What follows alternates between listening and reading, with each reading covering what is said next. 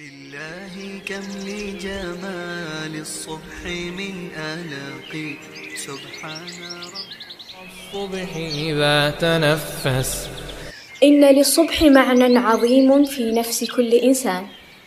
فما زالت كل تلك الأمم تنهض فيه وتسعى في رزقها وتخط طريقها آملة في استفتاح يوم جديد مبارك. حتى أن كل المخلوقات ترى شروق الشمس إعلانا لبداية جديدة فتبحث عن قوتها وقوت عيالها وتبدأ بالأهازيج والتغاريد. وقد ورد فضل الصباح في القرآن في قوله تعالى: وجعلنا النهار معاشا، أي مشرقا تحصلون فيه ما تريدون، وقد اختص الله بذكر النهار لسائر الإنسان لعقله الذي ميزه الله به، واستدراكه للنعم، واستغلاله للأوقات الفاضلة المباركة. وإن التبكير في العمل لوصية نبوية. فقد قال الرسول صلى الله عليه وسلم اللهم بارك لأمتي في بكورها. فإذا بادر المرء باستقبال الصباح استقبالا مهيبا. ورعاه حق رعايته. وأناخ فيه ركابة. واتبع فيه هدي نبيه. حلت عليه البركة ووجب له الأجر. ثم إن قدوتنا محمدا عليه الصلاة والسلام كان إذا بعث سرية أو جيشا بعثه أول النهار. فهذا تطبيق عملي لما ورد في القرآن ومطابق لما أخبر عنه النبي. وكان صخر رجلا تاجرا فإذا أرسل تجارة أرسلها صباحا حتى اغتنى وكثر ماله وتوسعت تجارته. اختص الله الإنسان بوعي وعقل يميزان ما يصلح به أمره ويعلي شأنه.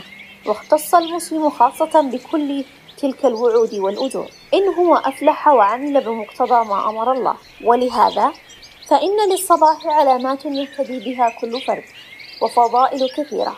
يجعلها نصب عينيه. ولا يهملها إن أراد التوفيق. فصلاة الفجر أول علاماته. حين يقوم المرء للصلاة ويقضيها تحل عليه الخيرات وهو وقت تقسيم الأرزاق وإعطاء المجتهد نصيبه ولا يحرم منها إلا كل متكاسل خوار. ومن نام في الصباح فقد حيل بينه وبين رزقه. لذلك سمي وقت الظهر بالحيلولة.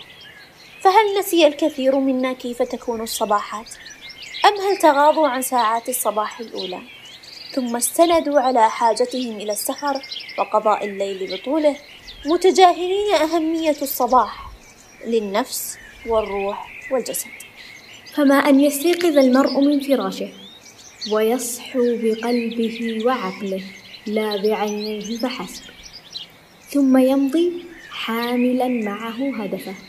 وعملا يتكسب به وهو منفرج الأسارير واثق بنفسه متأملا لأجر يكسبه ووقت يملكه وهمة يسعى بها حتى يستفتح الصباح له بكل خير.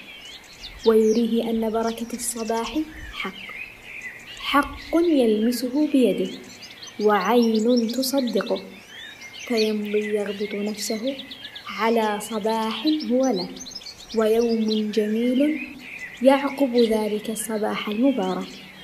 ثم إن الدعوات مستجابة في هذا الوقت فلا بد للمسلم أن يستغله بطلب حاجته. يرفع يديه رفع من هو واثق بالإجابة لمن هو لا يرد الدعاء سبحانه وتعالى. جاء في بعض الآثار كما في كتب حاد الأرواح إلى بلاد الأفراح لابن قيم الجوزية. أن أوقات أهل الجنة كوقت الإسفار وهو وقت انتشار الضوء حتى قبيل طلوع الشمس. فهل بعد هذا كله أيرغب المسلم في قضاء هذا الوقت الفضيل بالنوم والإسراف فيه؟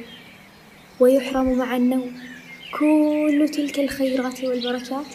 وينتهي لا يحمل في يديه شيئا سوى التحسر على ما فات الألم على ما مضى.